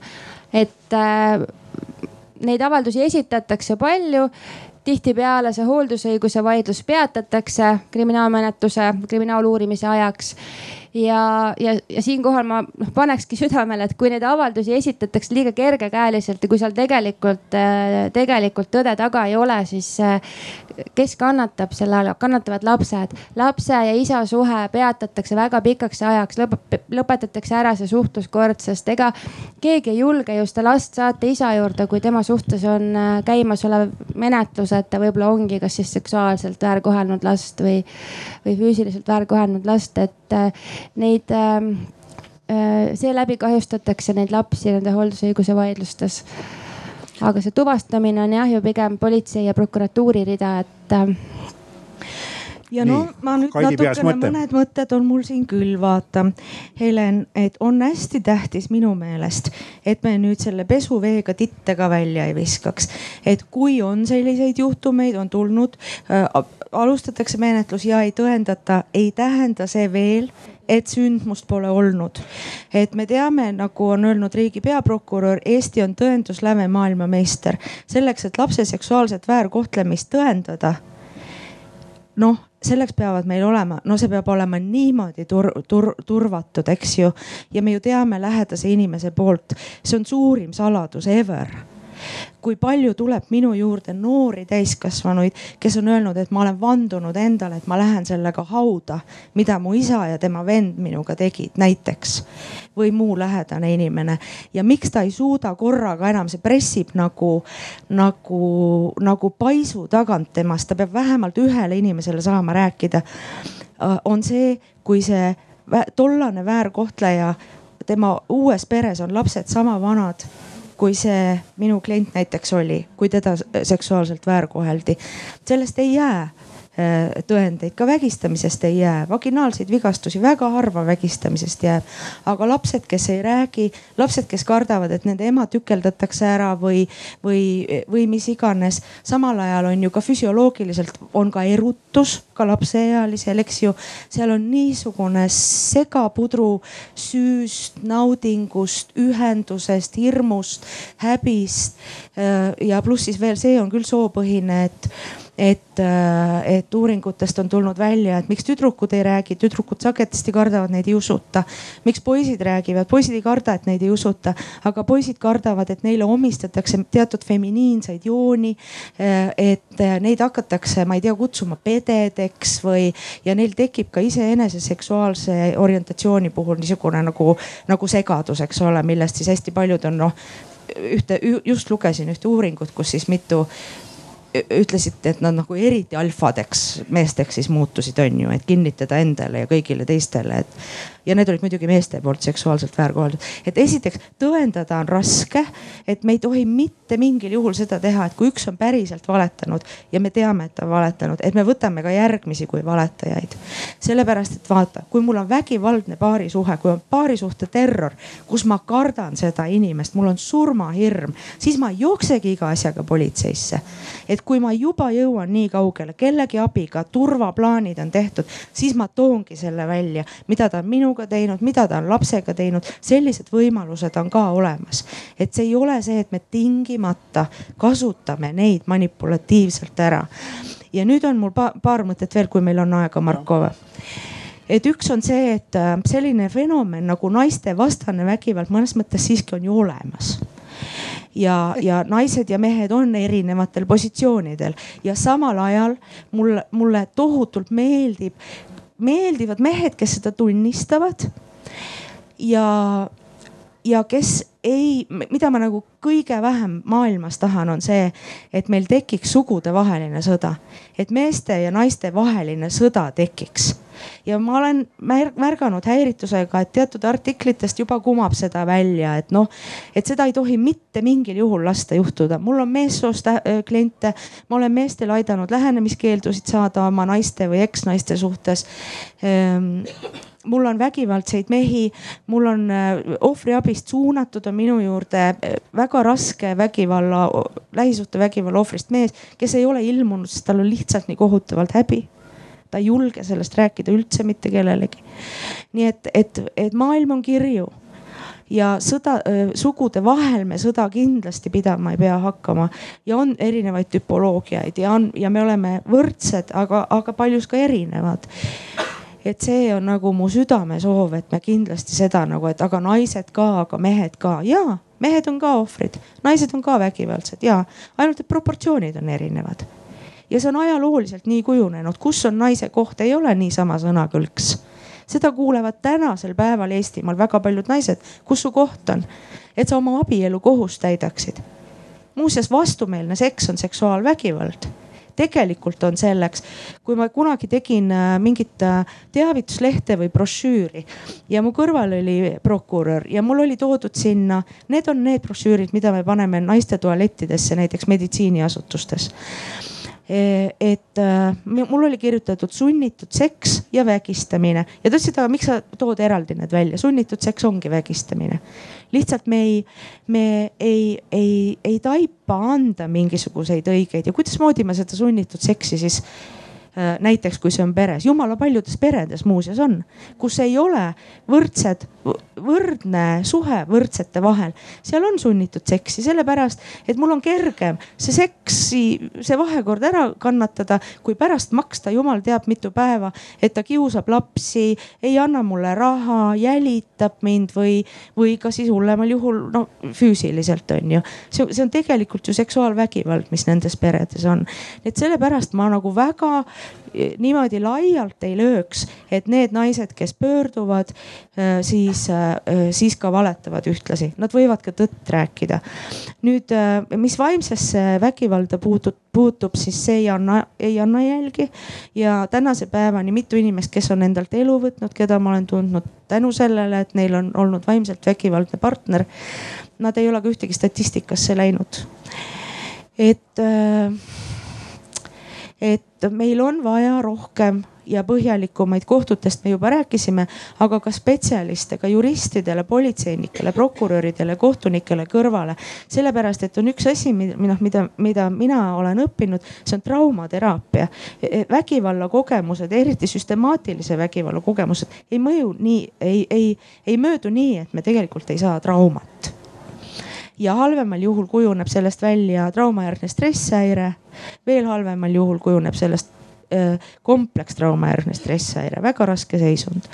nii et, äh, et, et traumareaktsioone ei ole võimalik teeselda kui palju ma olen ka seda nagu mitte kui palju, aga mõned korrad kohtusaalides ka nii, aga kust te ikkagi teate?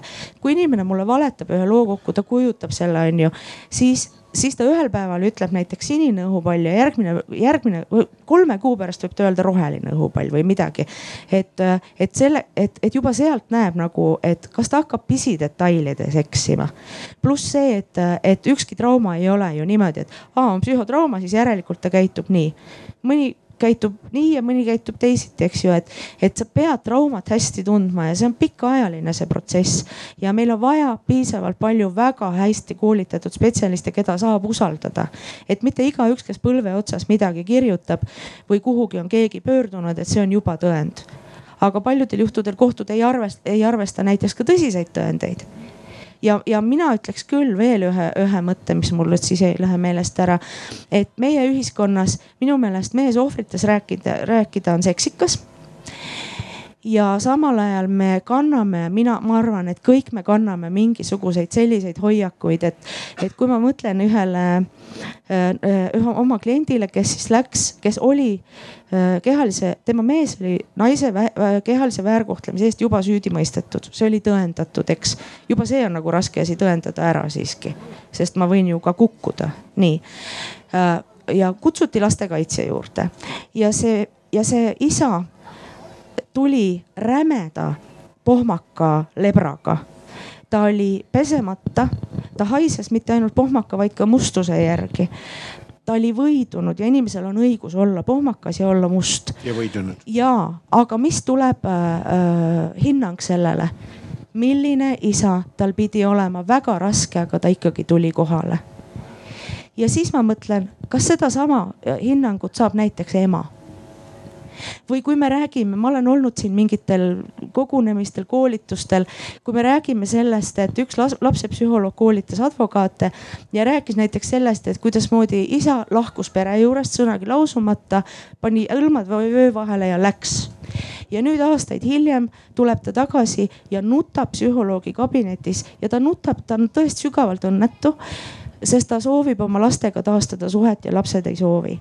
ja kui küsimus oli, et miks ta läks või kuidas see nii läks, et, et ta noh, niimoodi ootamatult lahkus. ta ütles, valu ja pettumus minu suu sees olid liiga suured, ma ei suutnud enam jääda. siis kui sedasama teeb ema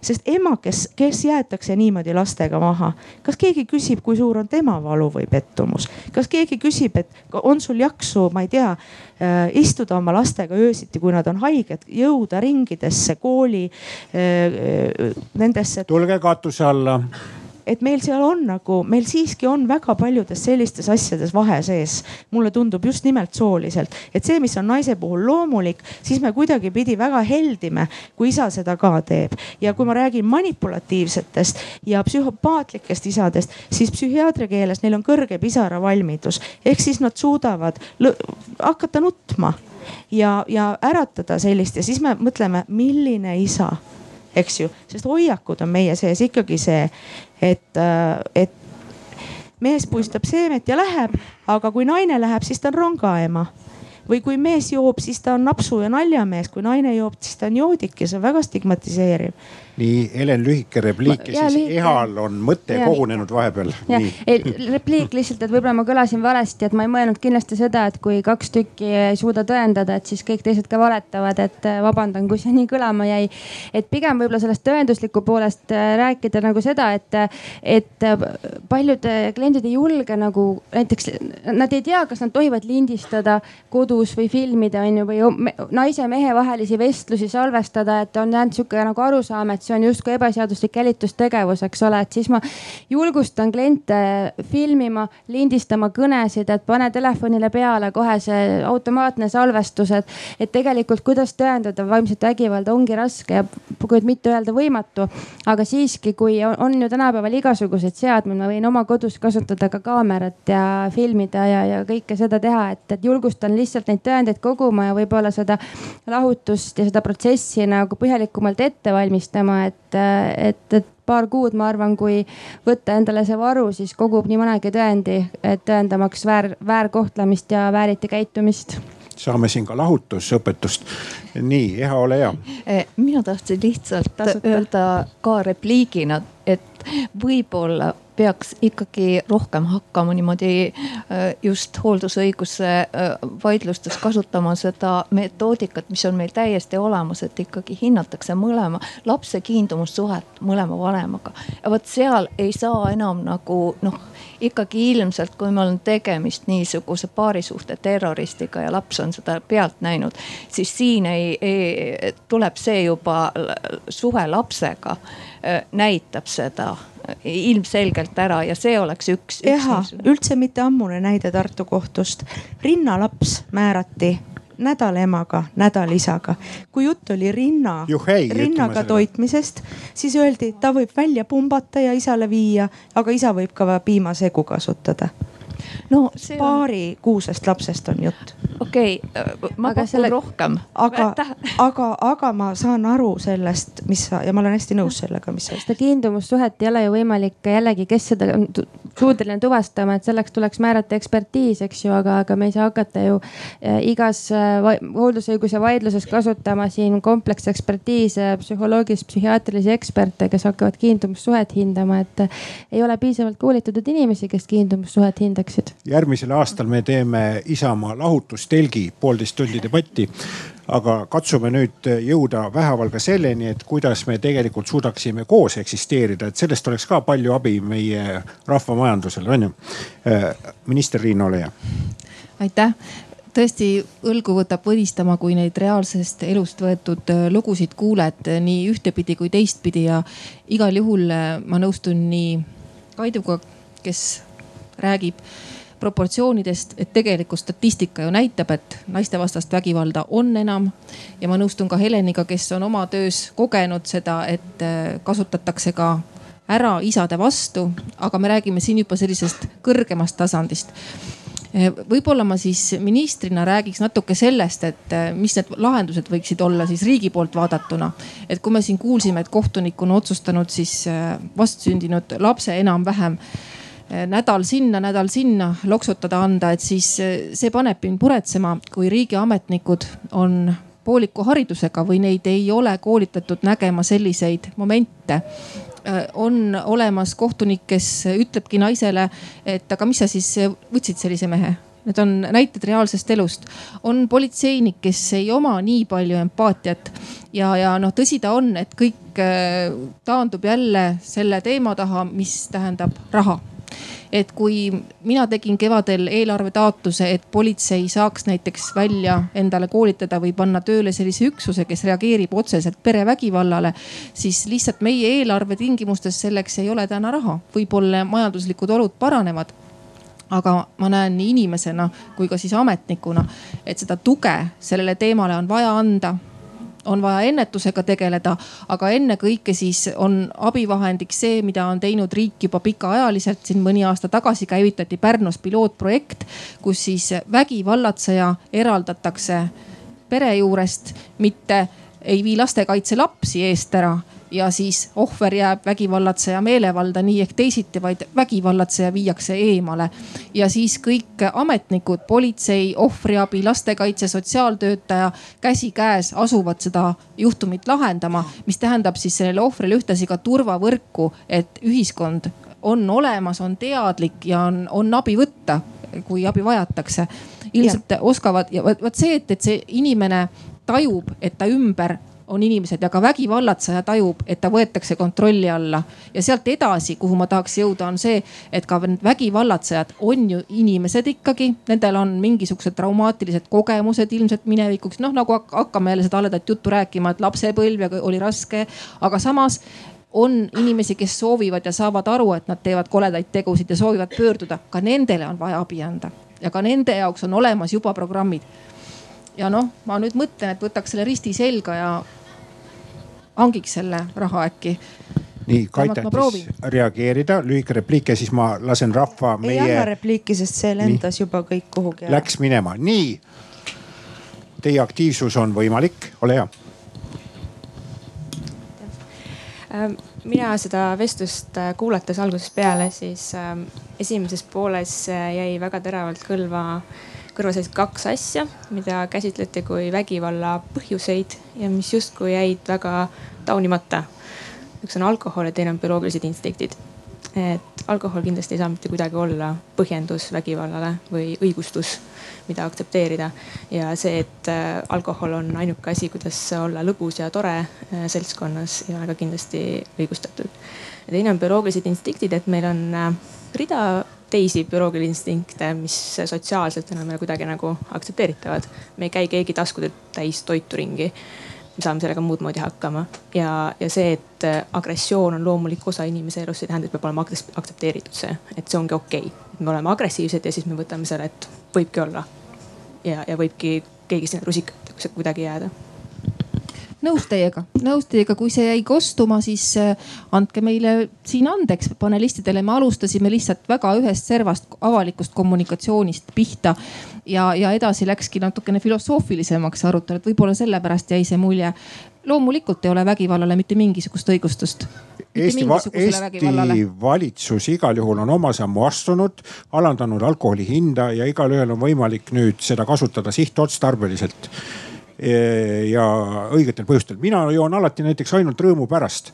aga kuna neid megarõõmsaid hetki ju kogu aeg ei ole, siis ma arvan, et mul ei ole probleeme ka tänu sellele. kui ma kurbusest jooks, võib-olla oleks ka põhja käinud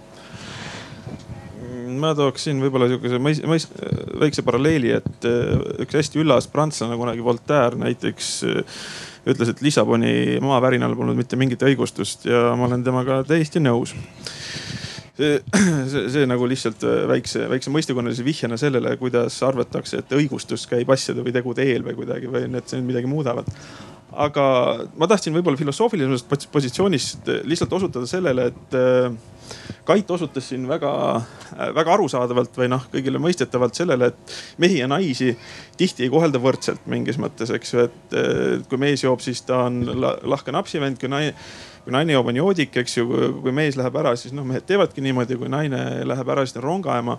aga siis ma juhiksin tähelepanu sellele, et äh, Riina Solmtaim tõi ühe näite, kus siis oli üks ütleme nii-öelda sirge puu ja kirvega feministlik kohtunik, eks ju, kes ütleski pool mehel, pool naisel, siis me samamoodi kõik ohkasime. kuule, see on päris lollakas, ilmselgelt siin ei ole sümmeetriline suhe. et äh, aga see üks positsioon ei lähe ju teiseks üle kuidagi niimoodi hüppega või kvantitatiivselt, vaid ta läheb sujuvalt. et äh, palju seda edasi nagu tulebki sellest, et noh need, need, need, need on loogiliselt äh, vastuolulised, eks ju, me võiksime siin küsida, eks ju niimoodi. kuidas nii sai juhtuda? kumb siis on, kas nad on täiesti võrdsed või ei ole, eks ju, kust tuli näiteks kohtunikul see idee, et jagada niimoodi? et täiesti võrdselt, jagamegi täiesti võrdselt. see ei ole feministlik, vaid seksikas.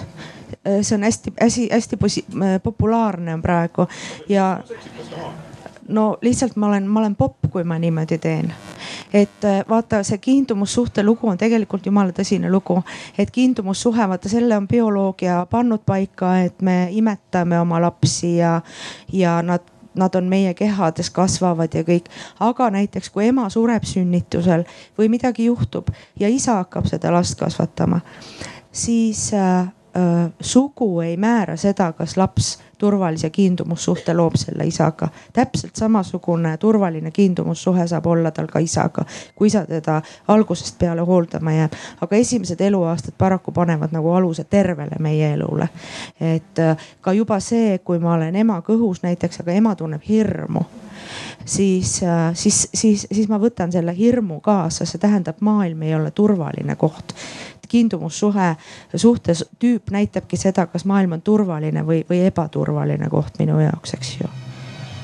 Tähendab, tähendab ja see on John Bowlby kiindumusteooria ja kusjuures minu arust mingi kas aasta või kaks tagasi see käis läbi ka, et ühe samadel teemadel kusjuures ja siis seal oli minu arust kaks vanemat äh, naisprofessionaali, kes viitasid sellele ja ütlesid, et sellepärast on jabur ka sihuke igasugune äh, lahutamine. Äh, ja, ja, ja, ja mida, mida ma siin veel tahaksin välja tuua, see, see on võrdõig-, võrdõiguslikkuse aatega vastuolus, on üks asi. teine asi, kui kiindumussuhe on välja kujunenud, eks ju, tõepoolest ta kujuneb välja kas emale ja reeglina on see ema, sest ema imetab või siis tõepoolest, kui ema on surnud, ta võib isaga ka. aga asi on selles, seda ei saa hüpitada enam, eks ju. selle konkreetse inimese puhul on see konkreetne kiindumussuhe. seda ei saa hüpitada ega niimoodi enam hakkida. see on see esmane primary caretaker on ju, aga selle esmase kõrvale tekib ka teisene. nii et lapsel tegelikult, kes on üle kahe aasta, on väga võrdne kiindumus mõlema öö, vanemaga aga mis veel nagu, kuna varsti saab aeg otsa, et ma see, mille tõi ennem Helen välja, et äh, vaata üks nende meie pro programmidest, võib-olla see ei ole programm, aga on Marak ehk siis see on äh, see, kuidasmoodi me hindame ära kõrgriskiga vägivallatsejad ja kuidas me siis seda koostööd teeme ja koordineerime. ja, ja, ja palju ilusaid sõnu on tehtud ja no õnneks on tegudeni ka jõutud, aga teate, mis on suurim komistuskivi, on see, et me kõik saame ühteviisi aru sellest, mis on vägivald ja ma ütleks, et ei saa. et siiani vägivalla ja tüli või vägi, võib olla väga konfliktides rohke paarisuhe, düsfunktsionaalne paarisuhe ja see ei ole vägivaldne paarisuhe. võib olla paarisuhe, kus kurat ei ole ühtegi konflikti. aga seal on selline hirm ja terror valitsevad, et munakoortel kõnnin, on ju.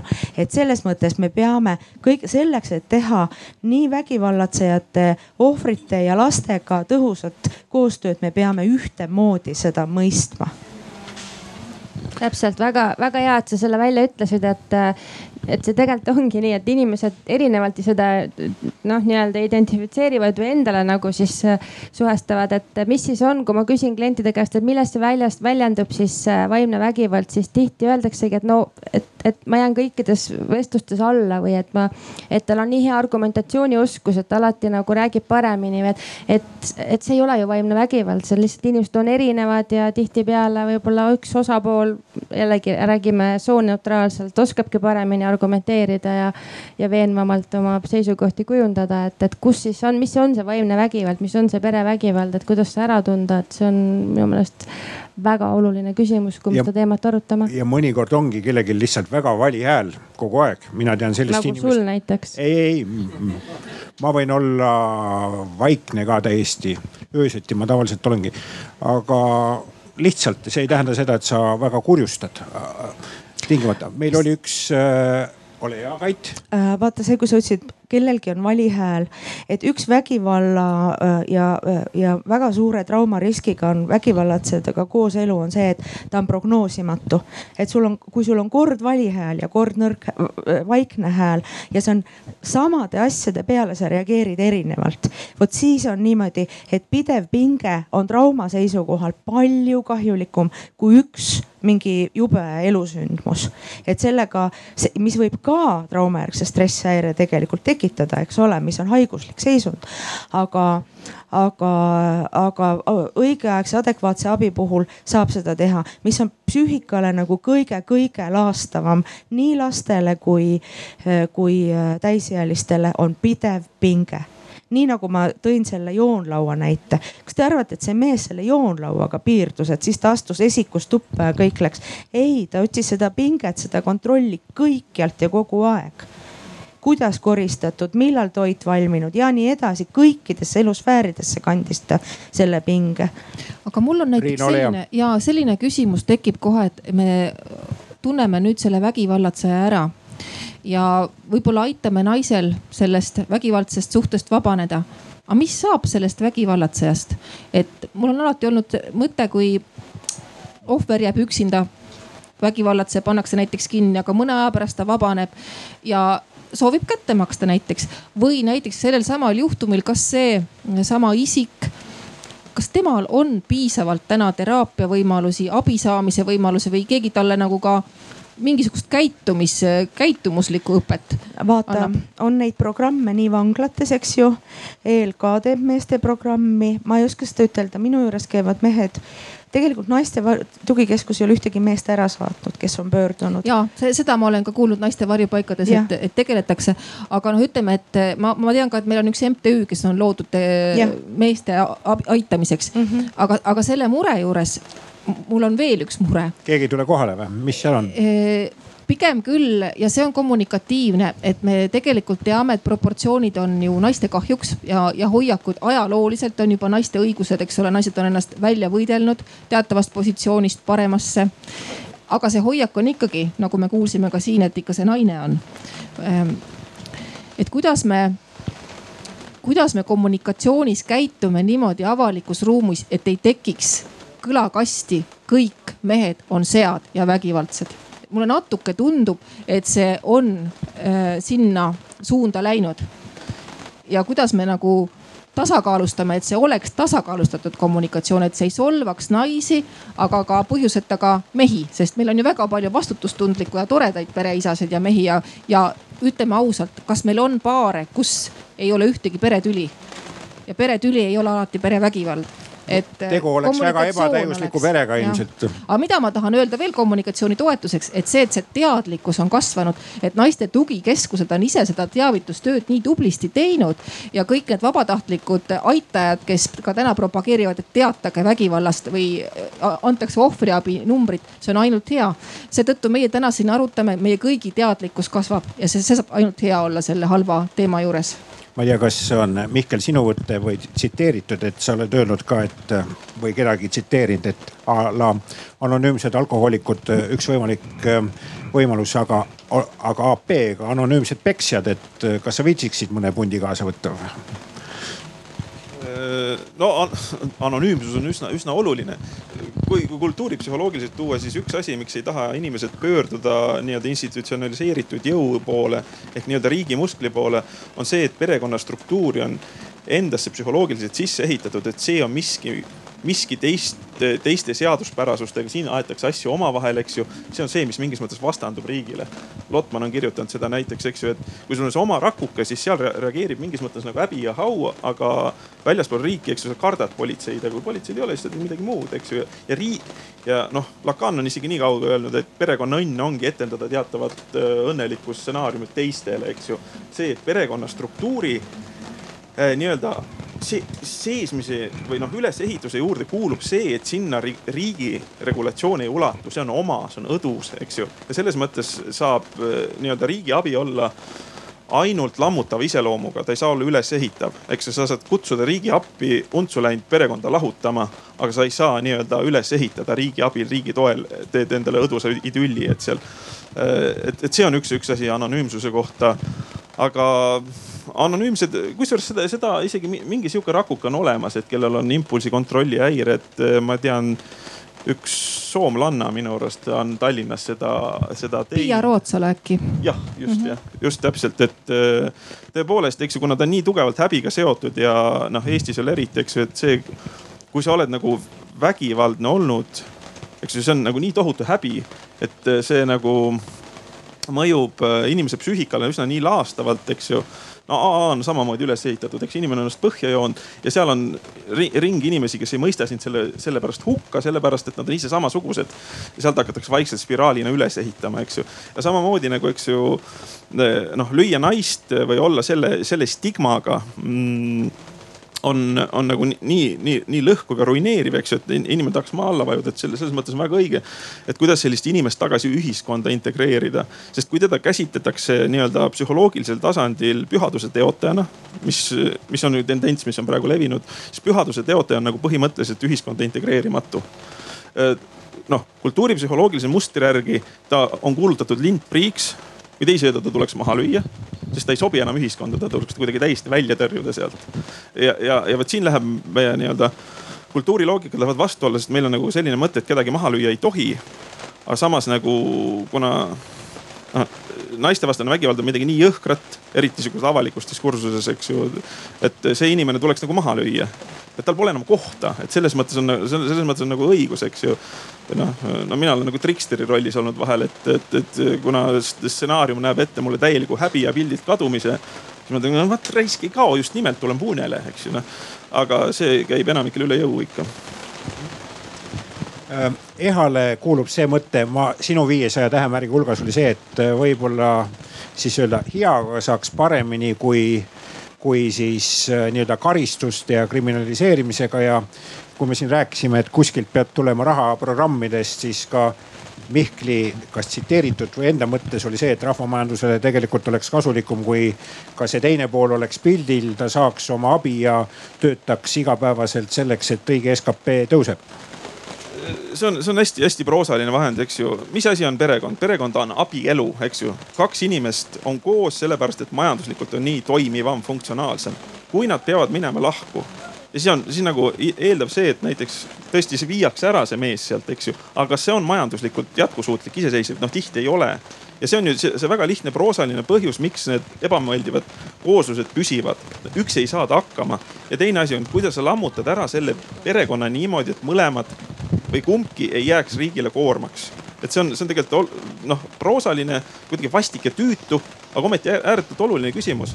sest eks ju töökoht, kus tal on, eks ju elukoht eks ju, kui sa võtad sealt selle vägivallatse ära, kuhu sa paned ta niimoodi, et ta omal jõul ringi käiks, ei oleks riigi rahakoti kulul näiteks. et ta uusi probleeme ei tekita riigile või ka perele on veel hullem, eks ole. aga see oli huvitav käsitlus, et perekond on majanduslik kooslus, et ma olen ikka romantik ja mõelnud, et on emotsionaalne kooslus, et see majanduslik külg ei pruugi üldse see. mitte muuhulgas äh, majanduslik kooslus, vaid muuhulgas romantik või kuidapidi see oli? ei, muuhulgas. ka majanduslik kooslus kokku saadakse ka võib-olla mõlemal põhjusel. Mihkel, selles mõttes see vastab tõesti tõele, et äh, ega see äh, palgalõhe ei ole suusoojaks öeldud. majanduslik sõltuvus väga tihti on vägivaldsest osapoolest ja ma arvan, et see mina hoian iga hinna eest selle pere koos, mõtlevad lapsed, kes on ise katkistest peredest. või see, et mu lastel on parem, kui tal on mõlemad vanemad, kui me ei lähe ära sellepärast, et tal on palju vähem võimalusi näiteks. selles mõttes majanduslik, aga kui me mõtleme riigi rahakotile, siis hoida inimesi vägivaldsetes peresuhetes, siis sa võid umbkaudu kujutada ette, mida maksavad raviarved mis maksab äh, töövõime kaotus, kas täielik või osaline. mis, mida maksavad need inimesed, kelle elutee on lõppenud liiga vara. nii et põhimõtteliselt see on kusagil välja arvutatud, ma ei julge, see on kümnetes miljonites, mis, mida läheb perevägivald maksma ainuüksi Eestis. nii et ta on nagu majanduslikult, kui me mõtleme, siis seal on päris mitu külge. ja mõte pigem on, ma saan aru, olnud selles, et, et mõlemal, kuidas öelda, nagu Mihkel on öelnud et mõlemad Aha. pooled peaksid olema pildil, on ju, algusest lõpuni, et ei ole nii, et peksja sai karistuse kätte, istusid aasta tingimisi vangis väljas, on ju. et tegelikult peab see selles mõttes olema, mõtlema tuleb mõlema poole peale. kas alati suudetakse kaasa elada ja tunda, see on nagu iseasi, aga ikka nii nagu elus ikka, et kõik osapooled on olemas, onju. Riina mul veel selline mõte jagada, et võib-olla meil eestlastena on veel see sammukene astuda, et ähm, äh, toon oma, oma vanema poja näiteks, tema isa suri ja mina olin üksikema ja tegin palju tööd, ta pidi üksi olema ja nüüd, kui ta oli ülikoolis, siis ta ootamatult hakkas käima psühholoogi juures ja mina vaatasin, Ets Kae lumehelbeke, et temal oli see mure, et, et sina olid palju ära ei saanud rääkida ja näe, isa suri, keegi ei osanud käituda, kuulata. aga siis ma tabasin mõtet, et vaat kui tark ta on, et ta läheb kohe abi otsima, et, et mina olin taaskord tööl. Mul ei olnud aega, ta muidu armastas alati tulla õhtul õhtul diivanile mulle rääkida, mul polnud jälle aega, leidis psühholoogi. aga minu arust ka paarisuhete puhul on seesama teema, et eestlased ei lähe terapeudi juurde ja, ja võib-olla ka siin on just meestel see, et, et tundub, et, et ma ennem ennem, ma ei ole ju hull või ma, ma ei ole, ma ei vaja ju abi, eks ole. tegelikult. olukord paraneb, pöörduvad. pöörduvad, et seda peaks veel enam julgustama, et, et me oleme just, eks ole, Euroopa riikides või USA-s on väga moodne, et mul on oma psühholoog. et tegelikult mina väga soosin seda tugisüsteemi ehitamist, tugivõrgustiku ehitamist, et inimestel on peas nagu väike elektrialajaam, et, et ei tekiks lühist kas ma võiksin siit ühe mõtte veel öelda, et haakudes just äh, Riina, Riina jutuga, et meie oleme mõelnud, kas ei võiks saada popiks selline, et kui noored on teineteist leidnud, võib-olla ka abiellunud, et siis võetakski näiteks ka paarisuhte koolitused, see muutuks trendiks, et kuidas siis seda uut peret noh, e-, e-, et moodustada ta ikkagi niimoodi pikaks ajaks ja, ja et see oleks niisugune positiivne, et praegu meil ikkagi tihti minnakse noh baariteraapiasse siis, kui probleemid on ja kõik. aga et see, see muutukski niimoodi, et, et me oskaksime teineteist hoida. saad ristivanema nii-öelda omale kaasa kohe, abiellu ka näiteks no,? kes on käinud, see tegelikult teab, et see ongi õige tee, et äh, mina olen käinud oma, äh, oma abielus paarisuhteteraapias ja, ja ta ja meil ei olnud suuri probleeme, aga isegi olmelisel tasandil see aitas, meil olid sellised vihikud. Kaia andis meile. see oli koolitus jah, no igal juhul me saime sinna kirjutada ja arutada ja tegelikult see äh, aitas äh, meil lahendada need probleemid, mida me ei olnud nagu suurest sõbralikkusest või armastusest ei, ei söandanud teineteisele otse näkku öelda. et see tegi ainult paremaks. nii äh, mina hindan väga eraelus osalemist. Ja kui ma näen töö juures tavaliselt seda, et keegi viiest nokitseb laua taga, siis mul on üks küsimus ainult. kas teil on kodus probleem, et te sinna minna ei taha? ja mina ütlen, et kõik debateerijad, mina saadan nüüd pool kaheksa X-äkselt täpselt, vabandust keeleseaduse rikkumise eest, eraellu. Ja kõigil teil on aega, hakkame otsast peale, Kaidist kolmkümmend sekundit selleks, et kirjeldada nüüd järgmist kõik, kõik te tulite siia debatile mingisuguse eelarvamuse või ootusega. ma hoidsin teid natukene pimeduses, et oleks nagu lahedam ka, on ju. et mis on see asi, mida te nüüd viimase pooleteist tunni jooksul ise olete õppinud äh, sellest loost, et kas teie jaoks oli ka miskit uut? ja ega kolmekümne sekundi sisse rohkem ei mahugi, aeg läks. nii, kes on valmis? Naised, naised, naised, mehed. no mina võin tegelikult jälle alustada kolmkümmend sekundit, ma ei ole ju igapäevatöös ei puutu kokku selle soomülkaga ja reaalse olukorraga. kui ma kuulen elust neid reaalseid juhtumeid, siis mul käib tegelikult selgroost võdin läbi ja mul on nii kahju. aga hea sõnum siinjuures, et abi on olemas, et tegelikult meil on meetmed ja meetodid olemas nii järgmine palun, nii Kait valmis. ei võta kokku, aga Mihklile vastan, et tegelikult on niimoodi, et ja näiteks jälle minu klientide ja patsientide hulgas on nõnda, et jah, mehed on mõnikord pikemat, mõnikord vähemat aega vangis, äh, suhtlevad naistega, tulevad tagasi, sagedasti nad sellesama pereeluga jätkavad ja nendel meestel on töökohad, on sotsiaalsed sidemed. et vaata, mulle tundub, et võib-olla sa pisut projitseerid enda lugu äh, teistele ka, sest sina olid nagu see nii-ütelda piksevarras, sa said ühelt poolt, said teiselt poolt. Äh, sa oled tuntud, aga, aga ja kuidas need mehed edasi elavad, mõned tõsiselt nagu saavad ka mingi õppetunni ja paljud ei saa ja on retsidiivsed. nii et, äh, et sellepärast nad ei, nad ei ole nagu paaria, kelle peaks maha lööma. küllalt palju on neid inimesi, kes leiavad, et õigesti tegi raisk. Helen no ma igapäevatöös tõesti viisteist aastat näen neid äh, lagunevaid paare, peresid, et ega mulle midagi uut enam ei ole ja need hulemad lood jäidki ja jäävadki rääkimata lihtsalt enda südamerahu huvides ka. aga ma võib-olla kasutaks seda võimalust, et rahvastikuministril soovitada ikkagi sotsiaalministriga ühendust võtta ja põhjalikult see plaan läbi arutada, mismoodi seda, neid koolitusi läbi viia, et just selle mm, lähisuhtevägivalla tuvastamisel, et, et me ikkagi nagu leiaksime need ohvrid üles. kohtumine tegelikult... juba kokku lepitud, meil Aha, on perelepitus on lausa, see on minu teada ülejärgmisel nädalal. järgmise saja päeva sees teete ära. absoluutselt on jah, perelepitus on eraldi valdkond, millega me tegelema hakkame. väga hea, suure suurepärane uudis, et äh, aitäh. Eha nii, minul oli jällegi niisugune déjà vu tunne natukene siin kuulates, et nagu tavaliselt ikka, et meil kipub äh, tekkima niimoodi, et osad inimesed peavad silmas ja räägivad, noh, ma mõtlen just tugikeskuste pool, meil on tõesti enamus ohvreid on need paarisuhte terrori ohvrid, kus on süstemaatiline vägivald. ja siis me näemegi, kui jube see on. aga nii-öelda seda, mida, mida näevad siin, mida me näeme oma naabrite ja, ja, ja nii-öelda seal on väga palju seda situatsioonilist, kus on ikkagi lootust, et see pere võib saada terveks, neid suhteid saab parandada. ja, ja noh, niimoodi, et seda noh, millest Mihkel siin alustas, et see süstematiseerimine on hästi väga oluline.